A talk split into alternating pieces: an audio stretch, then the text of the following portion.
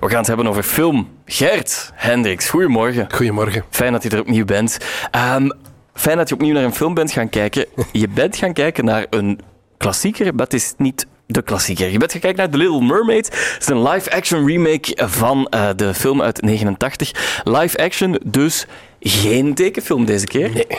Er was eigenlijk al heel wat te doen hè, rond de casting van de Zeemermin in de hoofdrol. Uh, is het een goede film? Er was heel wat te doen. Het is een hele goede film. maar er was. Oké, okay, dat, dat weten we wel. maar er was inderdaad heel wat te doen rond de casting. Um, vorig jaar uh, werd uh, de trailer gelanceerd en toen kon de wereld ontdekken dat. Ariel, de zeemeermin, niet langer een bleekscheet was, maar zwart. De halve wereld was in shock. Nogal, Disney heeft nogal wat kritiek gekregen, nogal uit racistische hoek. Sommige mensen vonden ook dat ze te veel de woke-tour opgingen. Mm -hmm. Maar aan de andere kant van het spectrum waren er een heleboel filmpjes die viraal gingen van zwarte ouders die hun kinderen hadden gefilmd. Toen die voor het eerste trailer zagen, en ontdekte dat die zeemeermin zwart was. De verbazing, de verrukking op hun gezicht. Ik denk dat weinig mensen die die filmpjes gezien hebben daar onbewogen bij konden blijven.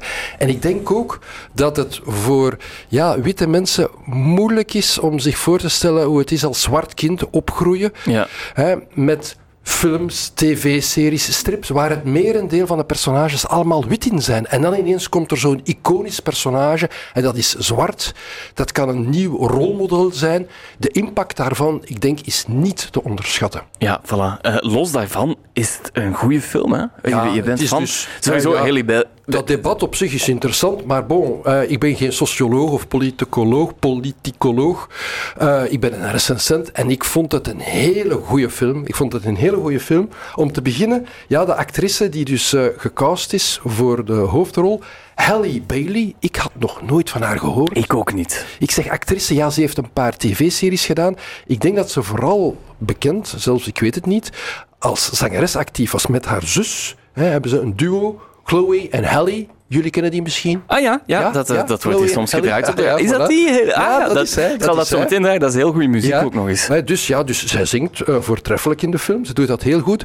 Um, en uh, ze heeft alweer een nieuwe film op stapel staan. Ook een remake, een film van Spielberg, een minder bekende van de jaren 80, The Color Purple, over slavernij. Die zal eind dit jaar uitkomen. Dus we zullen daar nog Beetje de. Rising Star, uh, of toch een van de Rising Stars of een, Een nieuwe Hollywood. ster. Ik weet niet of ze daarin zal zingen. Je zei ook inderdaad live action, dus niet meer tekenfilm. Um, live action, maar ja, een groot deel van de film speelt zich af onder water. En dat is natuurlijk niet echt onder water, hè. dat is allemaal trucage. Dus een groot deel van de film is natuurlijk CGI, hè. Computer Generated Images. Dus dat is toch ook een vorm van animatie, digitale animatie. Ja, want de, de, de, de iconische personages, hoe, hoe, hoe zien die er dan uit? Want Ja, je hebt- dat, je hebt die ja dat zijn natuurlijk...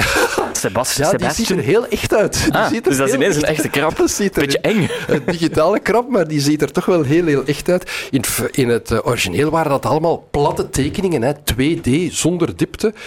Maar niet alleen plat en zonder, eh, zonder perspectief. Eh, als, je die, als je die fragmenten eens opnieuw opzoekt, die hebben natuurlijk hun charme, maar die zijn heel eenvoudig. Weinig gedetailleerde personages, weinig gedetailleerde achtergronden. En hier is alles extreem gedetailleerd. Je krijgt alle mogelijke vissen, planten, koraalsoorten in alle mogelijke kleuren. Het is alsof je in de cinema voor één gigantisch tropisch aquarium zit. Je komt gewoon ogen tekort. Fantastische CGI vond ik, maar ehm sirenes, zeemeerminnen, die zingen ook. Dus het origineel, ik was dat eigenlijk vergeten. Ja, dat is een musical. Ja, Dat al die Disney-tekenfilms zijn eigenlijk musicals. dat hè. is een musical. Zo, hè, zo, dus daar wordt- al die films tussen midden jaren tachtig, eh dat zijn allemaal Dat musicals. zijn allemaal musicals. Dus dit ook. En dus daar horen ook choreo's bij. Maar in vergelijking met het origineel zijn die choreografieën hier een pak dynamischer, een pak ja, eh, ambitieuzer.